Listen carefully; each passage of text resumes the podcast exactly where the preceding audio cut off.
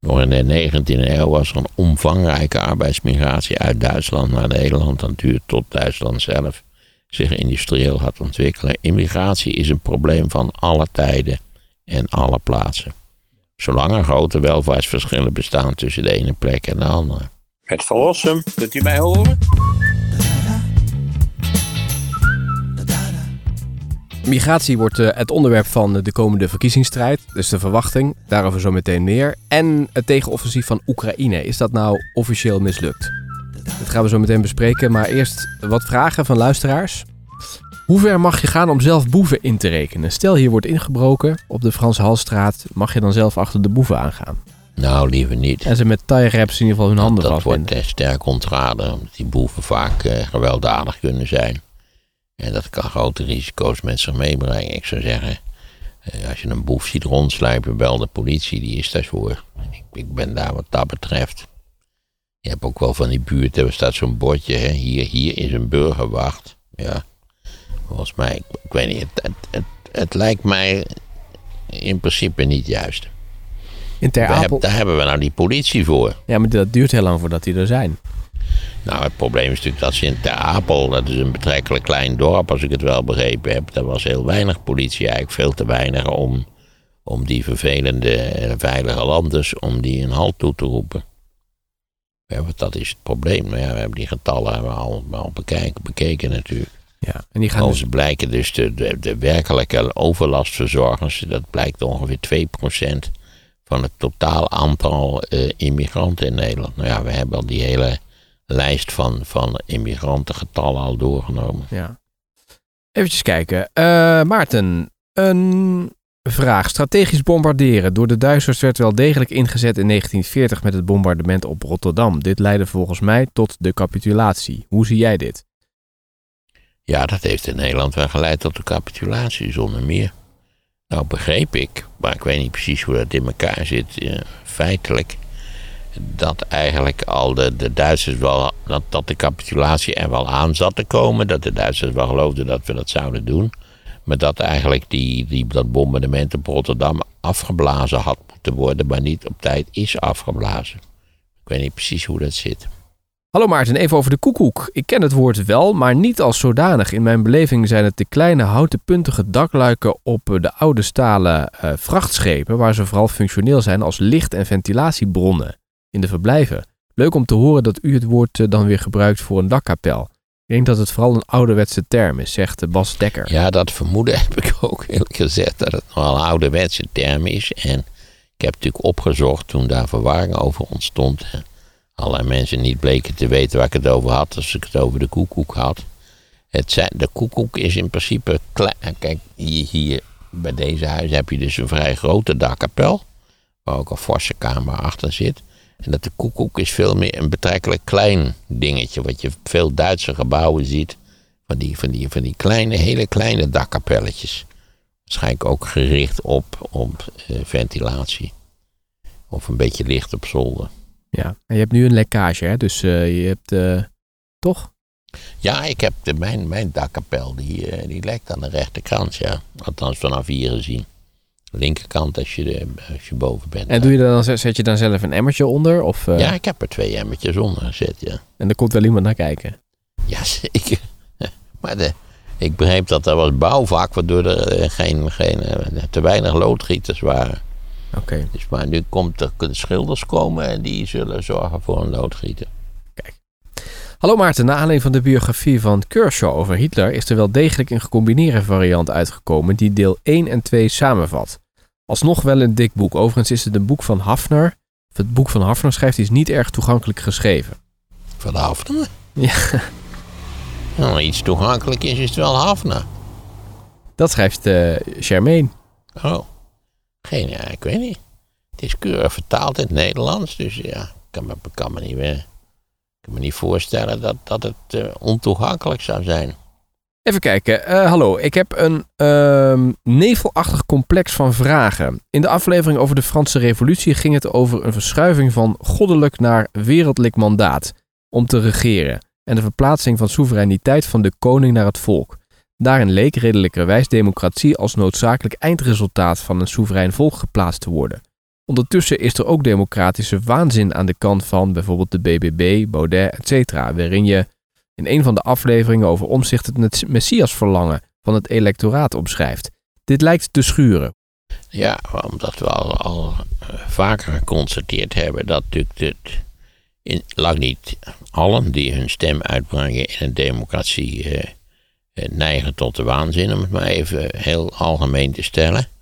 Eh, maar heel veel mensen zijn toch, eh, daarvan is het stemgedrag niet gebaseerd op redelijke en, en zoveel mogelijk op informatie gestoelde overwegingen. Maar ja, op vage sentimenten, op boosheid, teleurstelling, het kan van alles en nog wat wezen. En dat leidt dan weer, of, of uh, mensen die paranoïde ideeën hebben over de wereld dat een grote samenzwering bestaat. Wat dan weer bevorderd wordt door allerlei uh, verschijnselen in de populaire media. Denk aan de Matrix, dat, dat soort van zaken. Uh, dus ja, het, het een sluit het ander helemaal niet uit. Het, het, het is niet zo. Zeker was aanvankelijk het idee dat, dat, uh, dat alle kiezers in principe redelijke en verstandige kiezers zouden zijn.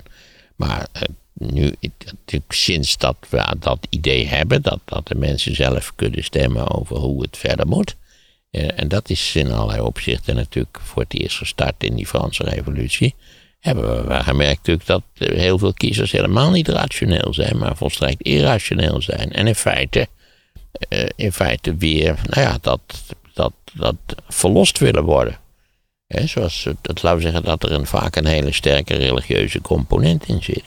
Zo goed als er een religieuze component zit in de verering van bekende sportlieden, de verering van, van denk aan, aan, aan, hoe heet het, van die, van die pop, popmuziekbijeenkomsten waar iedereen met zo'n, met zo'n aanstekertje in de lucht staat. Dat zijn natuurlijk, dat zijn semi-religieuze evenementen, dat is duidelijk. Dus nee, ja, was het zo dat elke kiezer een, een, een rationele schets maakte van hoe het zit, dat zou hartstikke mooi zijn, maar dat is eh, dus niet het geval. We hebben het net nog besproken. Dat heel veel kiezers natuurlijk gestuurd worden door, door sterke emoties. En niet door het feit dat ze goed geïnformeerd zijn.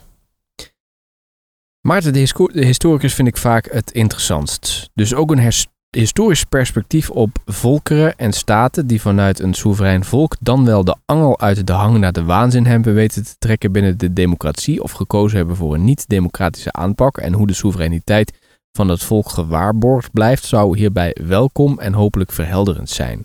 En ook een mogelijk uitstapje naar historische voorbeelden van een andere basis dan God of het volk voor bestuurlijke macht zou ik interessant vinden. Bestaat dat? Niet dat ik weet, ja, je kunt die in andere organisatieprincipes. Het, het, het, bijvoorbeeld in die Franse Revolutie was natuurlijk het oorspronkelijke uitgangspunt. Eh, zij het ook toch weer in allerlei opzichten beperkt, maar toch het idee was dat iedereen zou mogen stemmen.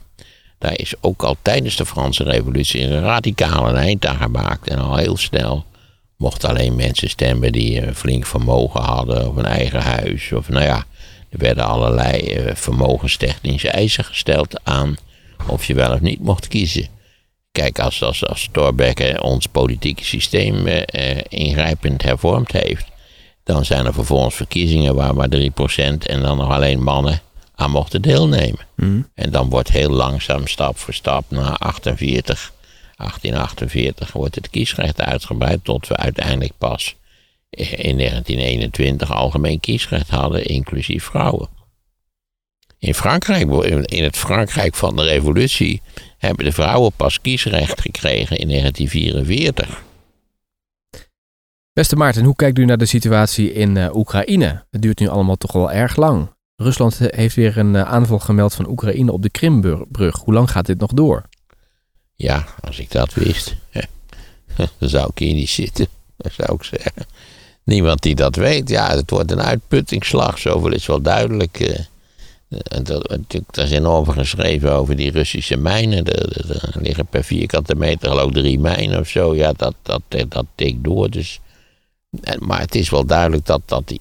Kijk, we hadden natuurlijk toch gedacht dat dat zomeroffensief van de Oekraïne... dat dat zou, leiden, zou lijken op dat onverwachte herfstoffensief van de Oekraïne vorig jaar.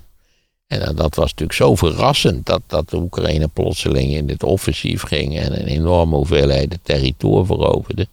Dat we ons daar denk ik een beetje blij over gemaakt hebben. En ook zijn, hebben gedacht, dus ik weet niet of ze het zelf ook hebben gedacht, dat dat mogelijk zou zijn om de Russen significant en snel terug te dringen uit de gebieden waar ze nu nog zijn. Nou ja, dat blijkt dus niet het geval te zijn.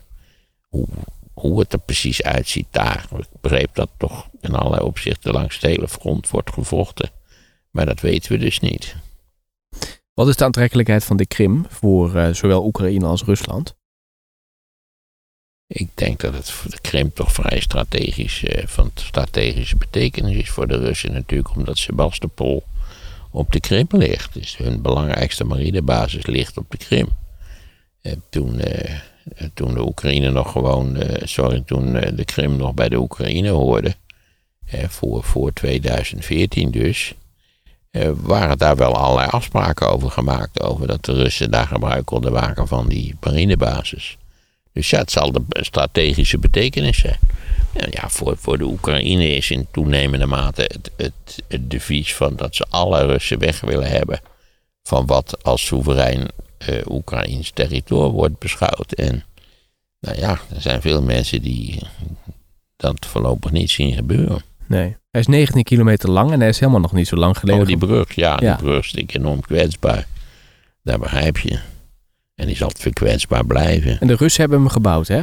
Ja, de Russen hebben hem gebouwd. Nog niet zo lang geleden. Nee, nou, zo, zo, aan de ene kant is zo'n brug heel makkelijk uh, kapot te krijgen, maar tegelijkertijd is die ook relatief snel weer herstelbaar. Dat geldt ook voor spoorlijnen. En die kun je wel bombarderen en dan zit er een enorm gat in de spoordijk, maar als je een beetje doorzet en je hebt mensen, dan is het ook in twee dagen is het weer gerepareerd. Hmm. En die uh, Russen gaan ook graag op vakantie op die Krim, hè? Ook wel begrijpelijk natuurlijk als je in zo'n klote land woont als Rusland. Denk eens aan die winters. Hè? Mijn indruk is dat niemand enig idee heeft van hoe het ervoor staat. En ja, op, op, op deze basis kan het eindeloos gaan duren natuurlijk. Ja. Dus misschien toch handig om, om nou ja, in ieder geval via de bekende backchannels met elkaar in gesprek te raken. Maar ja. Ik denk dat de Poetin toch ook denkt van joh, als het een, een slijtageslag wordt, eh, dan ben ik, eh, heb ik nog lang niet verloren. Beste meneer Van Rossum, wat vindt u van de Iraanse en Russische uh, samenwerking tussen in ieder geval de media van beide landen? De staatsomroep uit Rusland, Sputnik, heeft een samenwerkingsverband gesloten met het Iraanse persbureau Tasnim. Wat moeten we hiervan denken? Nou, wat moeten we daarvan denken? Dat als je landen totaal isoleert, zoals wij gedaan hebben ten aanzien van Rusland voor straf, vanwege natuurlijk de aanval op de Oekraïne, wat mij betreft terecht, en dat ook doen ten aanzien van eh, het, uh, het uh, Ayatollah-regime in, in Iran, dan is het niet gek dat de beide paria's elkaar opzoeken natuurlijk. Ik zelf vind het onverstandig, het, beleid dat de Amerikanen hebben gevoerd ten aanzien van Iran niet verstandig, maar goed. Ze hebben besloten natuurlijk die mogelijk, er was een verdrag gesloten. Althans over die, over die kwestie van die nucleaire ontwikkelingen. Uh, nou ja, dat is door Trump opgezegd. Ja, dat vond ik niet handig. Toen is geloof Biden wel weer in gesprek geraakt met de Iraniërs, maar dat heeft uiteindelijk niks opgeleverd. Dus nu zijn, zijn allebei volstrekt geïsoleerde staten. Ja, dat die elkaar opzoeken is toch wel begrijpelijk of niet? Ik kan me daar wel iets bij voorstellen heb ik enige sympathie voor een van beide staten. Nee, 0,0 natuurlijk. Best meneer... allebei buitengewoon onaangename dictaturen. Meneer Van Rossum, ik wil dit nog graag aan u voorleggen. Militairen aan de Russische kant lijken intens uitgeput en worden ook teruggetrokken door de Russen. Dat melden ook eh, de Britten. Nou is het zo dat de Russen natuurlijk een heel enorm groot achterland hebben en steeds nieuwe militairen kunnen aanvoeren. Voor Oekraïne geldt dat niet. Gaan de Russen daarmee met dat feit de oorlog winnen? Nee, dat denk ik nou ook weer niet. Als, als de oorlog iets is op dit moment, lijkt het toch een soort padstelling te zijn. En het idee dat de Russen over onbeperkte hoeveelheden recruten kunnen beschikken, is een, denkfout. Uh, uh, Rusland is ook een van die landen die uh, vrij sterk demografisch krimpen. En het aantal jonge mannen is daar bepaald niet onbeperkt. anderzijds is natuurlijk de Oekraïne een beduidend kleiner land dan Rusland is. Dat moet er wel bijgezegd worden. En ook de Oekraïne is een land wat demografisch krimpt. En niet zo'n klein beetje, maar fors. Dan Frank nog, die zegt: eh, welke waarde moeten we toekennen aan de aanvallen met drones op Moskou? Zijn dit enkel plaagstootjes of kan dit ook het moraal van de Russen doorbreken? Waarom zou het niet allebei kunnen? Ja, het zijn natuurlijk evident plaagstoten. Er zijn, er zijn grote gebouwen getroffen en de ramen kapot. En, maar het, het, is natuurlijk om, laten we zeggen, de, de, de modale Moscoviet niet waar erop te attenderen. Moet je eens kijken. Hè? Jullie zijn hier ook uiteindelijk niet veilig. Hmm. En wij, wij kunnen over, eh, als, als nu die, eh, ja, nu is er weer sprake van leveranties van eh, Duitse kruisraketten. Geen idee, maar die zou dan of gelimiteerd in afstand. Ja, was niet helemaal duidelijk hoe dat dus zou gaan verlopen. Maar ja, het zijn dus plaagstootjes. Ik bedoel, strategisch gezien lijkt het mij plaagstootjes. Maar die kunnen natuurlijk emotioneel wel een aanzienlijke impact hebben. Hmm. En die drones die we toch eh, veelvuldig terug zien komen, uh, die, dat is toch ook wel een. We hebben het eerder over nieuwe oorlogsvoering gehad. Daar zijn die drones ook onderdeel van, toch? Ja, zeker. Ja, ja zo hartstikke handige apparaatjes. Als je ze allebei hebt in grote aantallen, dan is het voordeel weer beperkt. Ja. Nou, veel vragen hierover. Deze nog even meenemen. Beste meneer Van Rossum, de training van Oekraïnse piloten in de Verenigde Staten duurt veel langer. Ja. Voordat ze die F-16's uh, in ieder geval goed onder controle hebben. Is het wel verantwoord om mensen in zo'n korte tijd op te leiden en dan met heel weinig ervaring uh, met die toestellen uh, de lucht in te sturen? Ik heb geen flauw idee. Werkelijk 0,0. Ik weet niet wat het vraagt om iemand, van iemand een, een F-16-piloot te maken. Sowieso denk ik dat daar al, al, een hele reeks van initiële eisen aan worden, moeten worden gesteld. Wie dat dan zijn en hoe oud en hoe dik en hoe dun. Ik heb altijd begrepen dat die piloten ook in verband met de G-krachten niet al te lang moeten zijn. Dus het moet een beetje gedrongen types zijn, kennelijk. Nou, hoe dan ook, ik kan er geen verstandig woord over zeggen. Deze luisteraar zegt onder andere dat er te weinig trainers zijn in uh, Amerika. En dat de uh, Oekraïnse mensen die getraind moeten worden, dat daarvan mensen zijn afgevallen omdat hun Engels niet goed genoeg zou gaan. Dat zou maar best kunnen, ja. Het is kennelijk niet zo eenvoudig. Ja. Ja, maar in ieder geval is het zo, dat het is niet zo bij een F-16. Je gaat erin zitten, je zet een helm op. ja, je trekt de stuurknoppel naar je toe en boef, daar ga je. Nee, zo is het dus niet. Kennelijk een enorm complexe aangelegenheid. Ik kan me daar wel iets bij voorstellen, eerlijk gezegd. Ja. Het wordt allemaal meegestuurd. Vier maanden duurt het om alleen de terminologie onder de knie te krijgen. Ja, dat moet beter kunnen dan in vier maanden. Terminologie.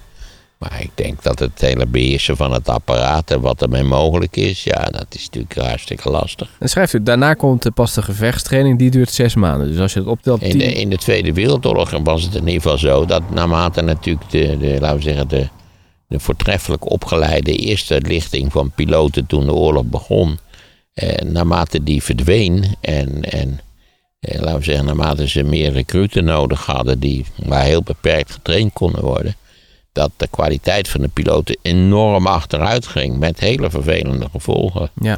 Dus dat er veel meer neerstortte. Dat, uh, ook in Japan was dat een gigantisch probleem.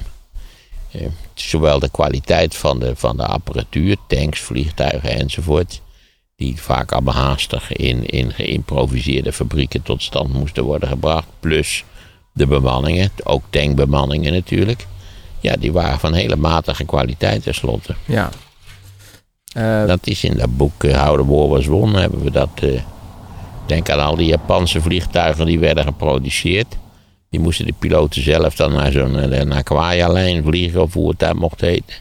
En dat de helft nooit aankwam. Training is in Roemenië. En Oekraïne heeft natuurlijk lang op aangedrongen hè, op die levering van die F-16's. Ja, F-16's zijn veel beter dan de oude Russische straaljagers waar het land nu nog mee vliegt. Ja, dat geloof ik direct. En ze schrijven ook zonder steun van de F-16's in de lucht is het een stuk moeilijker om de Russen uit Oekraïne te verjagen. Dat is, lijkt mij juist. De afwezigheid van, uh, van lucht, effectieve luchtsteun. Dat, uh, ja, in feite is dat in strijd met alles wat we geleerd hebben, ook in de Tweede Wereldoorlog. Ja. Beste Maarten, naar aanleiding van het uh, fragment over de relatie tussen de overstromingen in Limburg en klimaatverandering, de volgende vraag. Hoe ziet u de kans van mens en maatschappij ten aanzien van het wereldwijde klimaatprobleem? Is dit een probleem waarop de mensheid een passende oplossing eh, heeft? Of is er reden tot zorg? Dat laatste is wel een interessante. Ja, er is een reden tot zorg. Dat kun je rustig stellen. Heeft de, heeft de mens een passend antwoord? Ja, dat is er ook wel. We zijn, we zijn rijk, niet overal, maar over de hele planeet gezien toch een stuk rijker geworden. Eh, we hebben een complexe technologie die er heel veel aan kan doen in principe. En, en tussen, laten we zeggen, de, de, de versnelde oplossing van die problemen, nou oplossing zal nooit helemaal opgelost worden, maar de, de, de amendering van die problemen, eh, zit natuurlijk eh, twee dingen. En dat zijn emoties en de politiek, zoals gewoonlijk. En de politiek is, is redeloos in allerlei opzichten. En dan valt het natuurlijk in een land als Nederland of West-Europa valt het nogal mee. Maar denk aan de Verenigde Staten, waar, de, waar een van de beide partijen de aanwezigheid van een klimaatprobleem gewoon totaal 100% ontkent. Met alle gevolgen van dien. Ik weet niet wat die denken over die branden daar op Hawaii, maar eh, ja. Dus ja, dat, dat nogmaals, ik, ik ben, op zichzelf ben ik over de, de, de middelen die ons ten dienste staan betrekkelijk optimistisch gestemd. Eh, en ben ik over de politiek en, en de besluitvormingsprocessen ben ik pessimistisch gestemd. En gedrag van mensen. Nou ja, dat is, dat is verdisconteerd in, in, in de politiek, die natuurlijk weinig rationeel eh, functioneert. Zou Maarten een keer een In Nederland heb je ook massas mensen die het allemaal onzin vinden. Hoeft helemaal niet. Maarten, zou je een keer een podcast willen maken over uh, Willem Oltmans? Willem Oltmans, ja. Daar hebben we het eerder kort over gehad. Ja. Iemand die is geenthousiasmeerd geraakt en zegt... ik zit nu uh, op YouTube alle interviews van Theo van Gogh met hem uh, te kijken. Over andere de Club van Rome, de moord op Kennedy... een rechtszaak tegen de overheid van 46 jaar... met uiteindelijk een schadevergoeding van netto 8 miljoen. Ja, zo is het. Ja, heeft hij nog een penthouse voor gekocht. Met een prachtige vleugel erin. Voor zijn vriend. En vrij kort daarna is hij overleden. Maar moet hem veel genoeg hebben gedaan dat hij de zaak uiteindelijk gewonnen heeft. En we hadden een kinderachtigheden. Terecht is de overheid veroordeeld in deze, in deze zaak. Ja, het, het probleem was natuurlijk een beetje dat Willem Oltmans in allerlei opzichten zo gek als een deur was. Maar dat ik hem wel sympathiek vond. Dat heb je verteld. Ja. Je wilde hem ook een keer aan je vrouw voorstellen. ja, precies. Toen, ik, had, ik deed toen mee in een programma waar hij ook regelmatig aan deelnam. En nou ja, ik, ik, ik vond dat hij wel wat had. Dus had ik tegen mijn vrouw gezegd van we moeten hem een keer te eten vragen. Eh, ja, mijn vrouw had al gewoon twijfels geloof ik. Maar goed, dat, en, en, ja, en, toen ging hij dood. Dus toen was het, was het niet meer aan de orde. Maar is, die, is er genoeg gesprekstof om een hele podcast over hem te maken? Nee, dat denk ik niet. Ik wil best nog wel eens wat iets over hem vertellen. Hoe die, wat zijn achtergronden waren. En natuurlijk wat, waardoor die voortdurend het bloed onder de nagels van al die, al die eh, buitenlandse autoriteiten in Nederland uh, treiterde. Dat kan ik me wel voorstellen. En dat hij, dat hij natuurlijk goed bevriend raakte met Sukarno. Ja, dat lag in Nederland wel een beetje gevoelig. Maar was in allerlei opzichten eigenlijk heel verstandig en leuk dat hij daarin geslaagd is. Dat had je, dat bereikte je meer dan met die, met die eigenwijze politiek die wij voerden ten aanzien van Nieuw-Guinea. Beste Maarten, op eh, buienradar kun je wel motregen zien. Ja, dat is waar. Er is motregen Maar die is zo vaag. Ik hou, toch vol dat er situaties zijn geweest waarin je, wanneer het buienradar zei, alles ongelier en dan uh, was het toch neerslag. Nou, verder overigens laat ik even direct op, op, opmerken dat buienradar natuurlijk een zegen eerste klas is. Ja, je kijkt even op dat dingetje en als je ziet dat er zware neerslag is, dan ga je niet wandelen natuurlijk.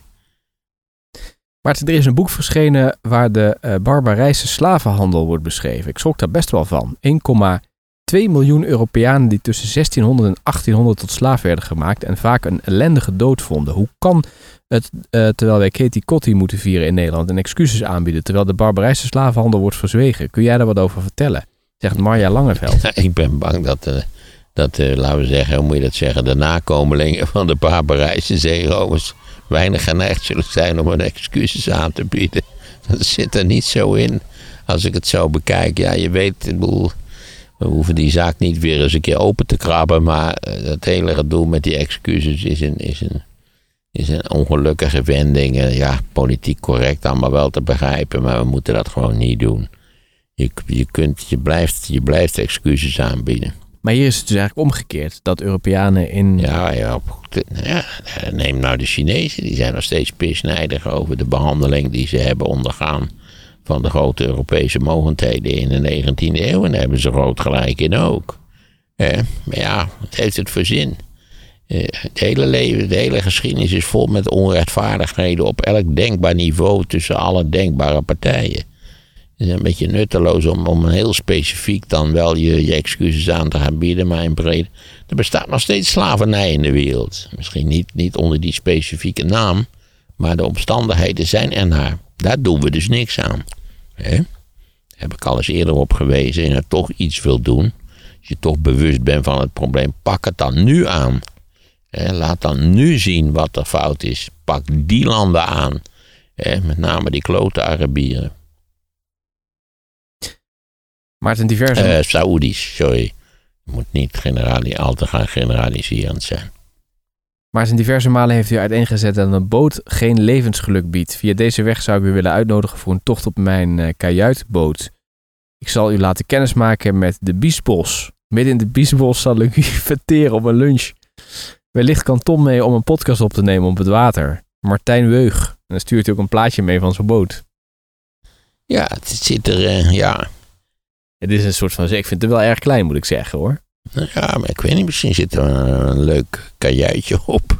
Het is niet een. Uh, ik begrijp dat best. Hij is een botenliefhebber, hij houdt van zeilen. Het is een zeilboot. Uh, dus ik heb er alle begrip voor. Alleen mijn ervaringen zijn op dit punt uh, nogal negatief. En bovendien, ja, joh, stel voor dat we nou zouden zeggen: Oh, wat leuk, een podcast. En dan moeten we daar helemaal naar die biesbos toe. En dan moeten we met allerlei heisa moeten we aan boord van het schip zien te komen. En dan struikel ik en dan val ik in het water. En, en, en dat apparaatje van jou, dat valt ook in het water met verschrikkelijke gevolgen. Dus, dus dank voor het aanbod. Vind het ontzettend sympathiek. Ik begrijp best dat u geniet van uw boot. Daar heb ik alle begrip voor. Maar wij blijven toch maar hier voor de deur staan. Je ziet nu weer heel veel beelden, ook volgens mij nu zelfs bij Calais in de buurt van uh, vluchtelingen die naar het Verenigd Koninkrijk willen. En nu was er weer een boot omgeslagen. Ja, ja, ja. de doden. Het zijn toch wel uh, verschrikkelijke omstandigheden. Dat zijn het, ja. Zolang wij geen, geen serieus beleid voeren, niet, niet tot, tot bepaalde besluiten komen of zelfs maar een begin maken van, van een dergelijk beleid. Ik denk ook dat, dat die, die aanpak dan via Tunesië, dat dat uiteindelijk toch een weinig gelukkig soort van oplossing is idem dito, die, Turkije-deal natuurlijk. Ja, Europa kan niet tot, tot een, een, een gezamenlijk beleid voeren. Maar je ziet ook dat als je, als uit Europa stapt, zoals Engeland, hè, een van de hoofdredenen van de brexit was natuurlijk het stoppen van de immigratie. Immigranten werden ook in Engeland vaak uitgescholden van uh, ga terug naar je eigen land, klootzaken en dan dat soort van dingen. En nou Engeland is eruit gestapt. En nou ja, dat heeft A ertoe geleid dat er niemand meer is om de aardbeien te plukken. Dat is misschien ook wel leuk om dat even toch aan te stippen. En B blijkt natuurlijk dat, dat je naar Engeland wel heel vrij, vrij eenvoudig met een boot kunt varen. Ik heb ooit op de, in Dover uh, naar de overkant gekeken. Nou, ik wil niet zeggen dat ik het moeiteloos zou kunnen zwemmen, maar ver is het in ieder geval niet. Er zijn nu doden gevallen. Ja, ja waarschijnlijk stom, een verkeerd bootje. Dat is allemaal een beetje krakkemikkig, maar in principe, als je dan een goede boot hebt en eh, je neemt eh, niet met, voor een boot met 40 mensen 400 mensen mee, dan kun je zo naar de overkant varen. Want de boten zijn vaak te vol. Denk, denk aan die Engelandvaarders van ons. Het is niet ver weg, Engeland. Op een zonnige dag met, met een, uh, geen, geen al te veel golfslag vaar je zo naar Engeland toe. Ja, maar is er iets aan het te doen? Het gaat om tienduizenden mensen, begreep ik. Die zijn allemaal ondergebracht in hotels in Engeland. Ze weten helemaal niet wat ze ermee aan moeten. Ja, waarschijnlijk worden ze teruggestuurd. Eh, ja, je weet dat dan juist het terugsturen een, een, een hot item is. De, de kwestie is dat met name veilige landers... dat de veilige landen niet bereid zijn om die, om die lui terug te nemen. Die hebben meestal hun papieren weggegooid. Dat hoort schijnt erbij bij die, bij die immigratieproblematiek. En, ze willen ze niet terug hebben, dus wat doe je er dan mee? Maar zie jij een oplossing? Wat kunnen we eraan doen? Nee, ik zie ja, op zichzelf zie ik geen oplossing. Aanvaarding dat het probleem bestaat en proberen om het probleem zo fatsoenlijk mogelijk in te bedden in te kaderen, om het maar even zo te noemen. Maar je vindt, vindt het wel goed dat... Kijk, zolang de omstandigheden bestaan waar, waar die emigratie uiteindelijk uit voortkomt, zal, en die omstandigheden zullen voorlopig blijven bestaan, zal die immigratiebeweging ook niet afgestopt worden. Ja, En die mensen komen hier niet omdat ze het hier zo, ja, ook wel omdat ze het hier fijn, hopen fijn te vinden. Maar natuurlijk voornamelijk omdat dat in, in de landen waar ze vandaan komen weinig perspectief is. Of, of je permanent bedreigd wordt met de dood. Hè? Er zijn verschillende fases. Hè? Dus dat ze inderdaad weggaan en dan willen ze weg. En dan heb je natuurlijk die smokkelaars die er natuurlijk ook misbruik van maken. Want die vragen... eh, Ja, zeker. Het is dus ook een interessant verdienmodel. En, dan, En dat gaat eh, dan niet veilig, want dan zitten ze in lekke bootjes of in, in, in vrachtwagens waar de... de Ja, maar goed, stel je voor, je woont in een of ander West-Afrikaans land. Hè, daar, daar is sprake van een sterke, snelle bevolkingsgroei nog steeds. Die demografische transitie heeft dat daar nog niet voor gedaan. Dus ja, je bent een jonge man en het is zo klaar als een klontje dat, dat, je, dat, je, dat je geen employ hebt. Dat je een volstrekt toekomstloos leven tegemoet gaat. Ja, zou je dan ook niet denken, je kijkt voortdurend naar de televisie, want die hebben ze daar ook. En je ziet dat er landen zijn waar je ontzettend welvarende, gelukkige, fijne indruk maken. Omdat wij natuurlijk op de televisie altijd glimlachen. Eigenlijk zouden ze wat meer naar de Nederlandse tv moeten kijken. naar jou vooral. En Nee, om, voor die bozigheid. Hè, Dat ze merken dat hier iedereen altijd boos is. Boos. Hè? Ja. Boos, zijn we boos. Maar wat jou betreft, eh, Kate, die, die mensen moeten wel geholpen worden als ze in die bootjes Ja, omslaan. dat vind ik ja. Ja, zo is gezegd. We hebben die, getalsmatige opsomming gedaan. Er zijn dus uiteindelijk in Nederland enkele tienduizenden eh, eh, asielzoekers. Daadwerkelijke asielzoekers.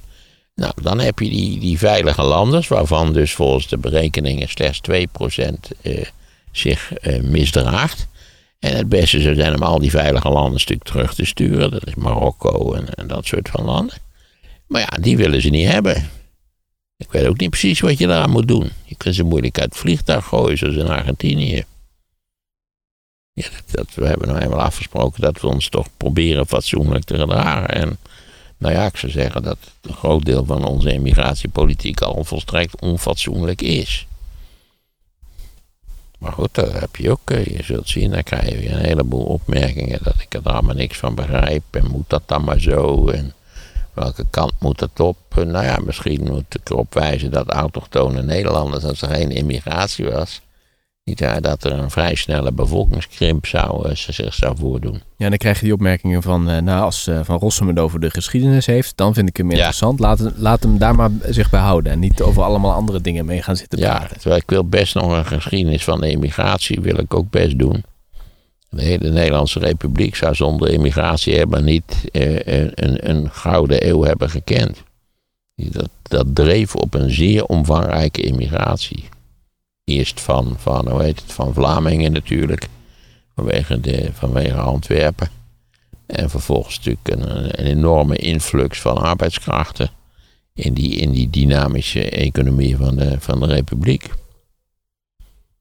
Ja, u gelooft het ongetwijfeld niet, maar het is toch zo. Wij zijn in allerlei opzichten zijn wij een product van immigratie. Hoeveel mensen zijn er nog niet die ooit, eh, eh, laten we zeggen, als huurgenoten binnen zijn gekomen? eh, wat hebben we? Nog in de 19e eeuw was er een omvangrijke arbeidsmigratie uit Duitsland naar Nederland. Dat duurt tot Duitsland zelf zich industrieel gaat ontwikkelen. Immigratie is een probleem van alle tijden en alle plaatsen. Ja. Zolang er grote welvaartsverschillen bestaan tussen de ene plek en de andere. Er was nu in eh, Frankrijk, eh, spraken ze dat, ze dat die migranten dus op het strand tussen de badgasten de zee in gaan. Nou, daar kan de politie niets tegen doen, want het lijkt op mensen die willen zwemmen. En dan komt die boot voor van die smokkelaars en dan springen ze daarin. En dan gaan oh ze... nee. ja. Dus het zijn ook nog wel eens eh, halsbrekende toeren die uitgehaald worden. Ja. Goed. Nou, dat waren de belangrijkste vragen. Oh, misschien nog eentje. Zou je een keer tijd willen besteden aan jouw ideale invulling van het basis- en middelbare onderwijs? Het Nederlandse onderwijs kampt met een groot lerarentekort. En misschien komt het door de huidige invulling van het onderwijs. Mocht je het huidige systeem willen behouden, hoe zou het lerarentekort structureel kunnen worden opgelost? Dankjewel. Ik luister met plezier naar je podcast Roos Docent Engels. Goedemorgen. Ja, ik, eh, het curriculumprobleem, dat is een van de grootste problemen die er is. Omdat we altijd doen alsof het bestaande curriculum volstrekt vanzelfsprekend is. Terwijl als je daar natuurlijk even over na gaat denken, is het helemaal niet vanzelfsprekend. Ik heb zelf wel eens gedacht dat je op school eigenlijk de dingen waar je echt iets aan hebt, die leer je helemaal niet. Nee. Namelijk vlot typen. Hè? En één taal echt goed onder de knie te zien te krijgen. En het liefst Engel, Engels natuurlijk. Want dat natuurlijk toch een beetje lingua franca is geworden in de wereld. Ja, en dan, en dan door met hoeveel moet je van die natuurkunde weten? Hè? Hoeveel moet je van die scheikunde weten? Ik vond het allemaal wel leuke vakken, maar En verzorging, heb je dat vak ook gehad? Waar leer je nee, hoe je dat moet zou ik vast helemaal niet leuk hebben gevonden. Ja, maar dat bestond in mijn tijd allemaal niet. Ik heb nog op de middelbare school kreeg het vak Ja. verzorging. Je Ja, het- mijn, mijn zoon bakte taarten op school. En dan vroeg ik van, heb je wat vandaag gedaan? Ja, ik heb een appeltaart gebakken. Dacht ik altijd, nou, zou je dan niet beter maar een vierkantsvergelijking hebben kunnen maken? Aan de andere kant zou hij dan hebben kunnen zeggen, wat heb jij precies aan vierkantsvergelijkingen? De meeste mensen maken nooit meer een vierkantsvergelijking in de loop van hun leven. Doe het raam open als je gaat poetsen, was ook een van die dingen die je daar leerde. Oh ja? Ja, ja. En, en, en hoe doe je een condoom om? En daar werden dan banaans, bananen voor gebruikt. Oh, ik vind een beetje, een beetje een hele stevige condooms zijn geweest dan. Ja, nou, dat soort dingen kreeg je daar bij dat vak. Verzorging. Uh, dan ben ik blij dat ik daar aan ontsnapt ben. Dat was ook vast een vak geweest waar ik, ja, je weet, gymnastiek was dan niet mijn sterke punt natuurlijk. Uh, maar goed, het, het, curriculum, daar kun je eindeloos over, over praten. In feite is het, is het, het curriculum vooral een product, product, denk ik, van, van gewoonte denken. Van het is nou helemaal zo, het is altijd zo geweest. We kunnen wel het wiskundeonderwijs wel een beetje, beetje meer aanpassen aan, aan de concrete wereld. Dat, dat kan. Maar uh, moet wel, iedereen moet wel een beetje wiskunde leren. Terwijl iedereen natuurlijk weet dat als je willekeurig mensen aanspreekt op de kennis die ze op de middelbare school hebben opgedaan, dat ze geen, meestal geen flauw idee meer hebben wat ze daar eigenlijk precies geleerd hebben. Dus ja, dat, is, dat curriculumprobleem, dat is echt enorm, naar mijn idee. Ik zou het niet weten. Oké, okay, dus Roos, sorry, je moet nou, Roos, ik wil er best over nadenken. Okay. We, we, kunnen eventueel gewoon een beetje, beetje kaatsend uh, kijken waar we komen met het curriculumprobleem.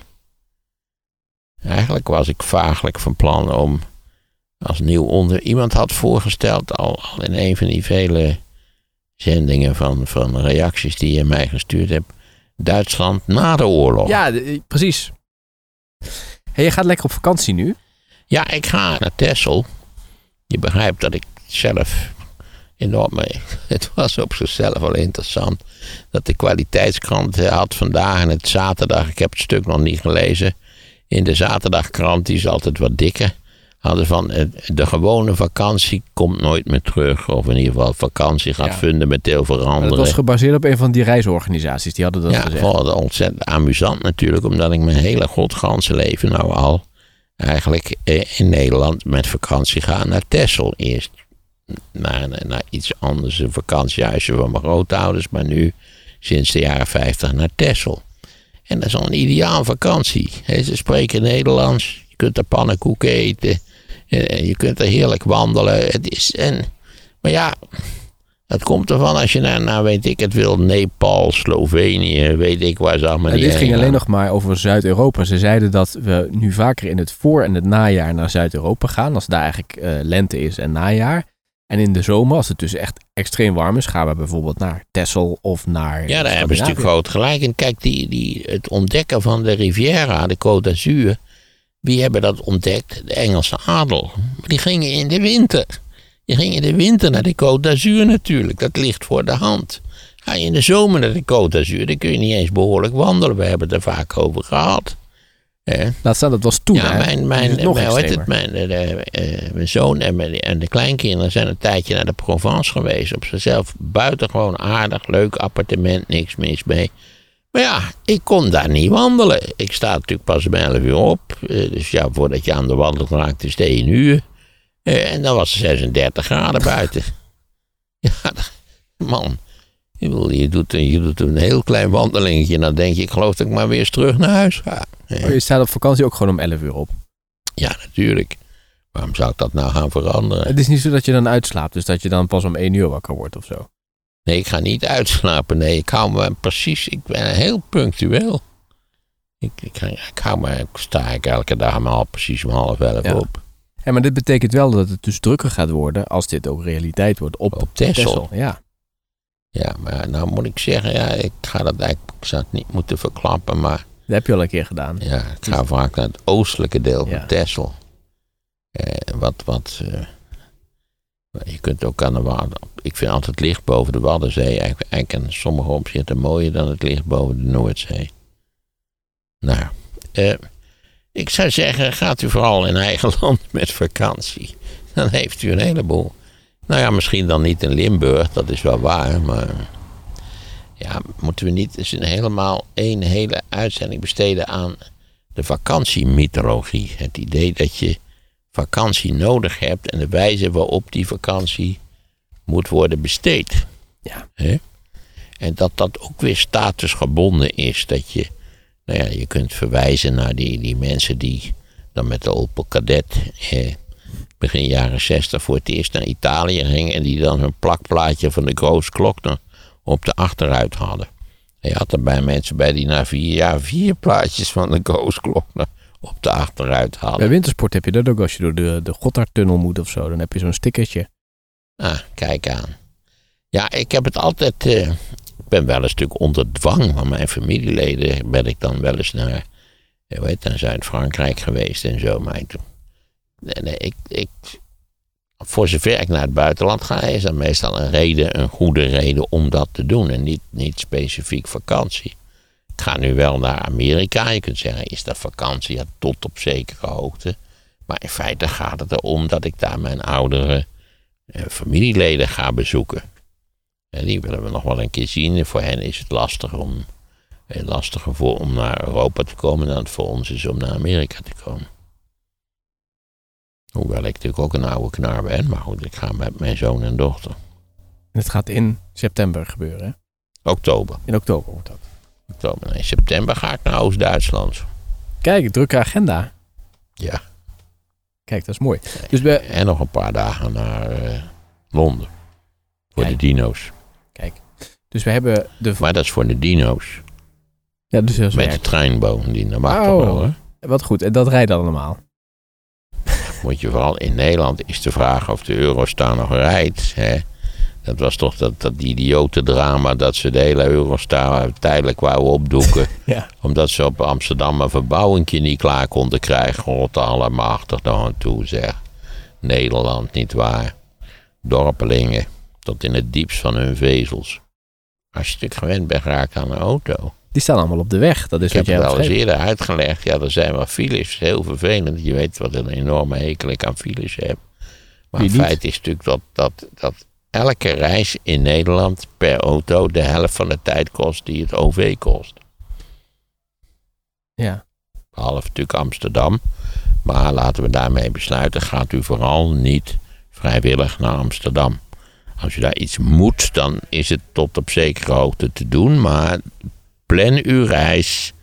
Zorg dat u op een stille dag gaat met een goed taxibedrijf.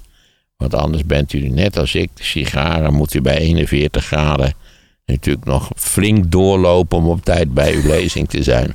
En we gaan dus volgende week gaan we jou bellen via eh, de telefoon. Of via de... Via de Ja, we gaan dan wel eerst even wat, wat per e-mail, zullen we dat even afspreken, wat de juiste plek en zo is. ja, ja. Dat is Moet goed. een stil plekje organiseren natuurlijk. Ja, dat is goed. Maar we doen het gewoon net als vorige keer. Oké. Ja, dat ging prima. Dat ging prima. Oké. En dan mag ik in principe voorstellen, ik weet niet hoe, of ik er toe kom en zo, maar dat zien we wel. Om het Duitsland na de oorlog te doen. Misschien in twee afleveringen. Ja, ja, vind ik heel leuk. Heel leuk. Want dat is ook door luisteraars eh, voorgesteld. We hebben Duitsland tijdens de oorlog al vaak gedaan. En voor de oorlog, dus nu Duitsland na de oorlog. Ja. We gaan gewoon veel meer aan Duitsland doen. Zeker evenveel aan Duitsland doen als in de Nederlandse media aan de Verenigde Staten worden besteed. Kijk, heel goed. Nou, in ieder geval fijne vakantie. Ja, maar nu jouw vakantie nog. hè?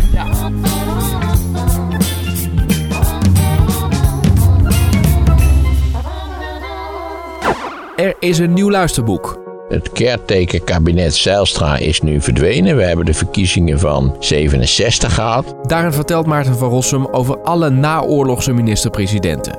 inclusief het tijdperk Mark Rutte. Ja, die waren historisch in de zin dat voor het eerst sinds uh, het algemeen kiesrecht, man- en vrouwenkiesrecht was ingevoerd, uh, de confessionele partijen niet langer een meerderheid in de Tweede Kamer hadden. Je downloadt het nieuwe luisterboek van ruim 3,5 uur via de link in de show notes. En in de podcast Sea Level is Wouter Kolk te gast, de baas van Ahold Delhaize, het moederbedrijf van onder andere Albert Heijn en Bol.com. Wil je weten wat zijn plannen zijn voor de toekomst van de supermarkt? Check dan nu de aflevering van Sea Level via de link in de show notes.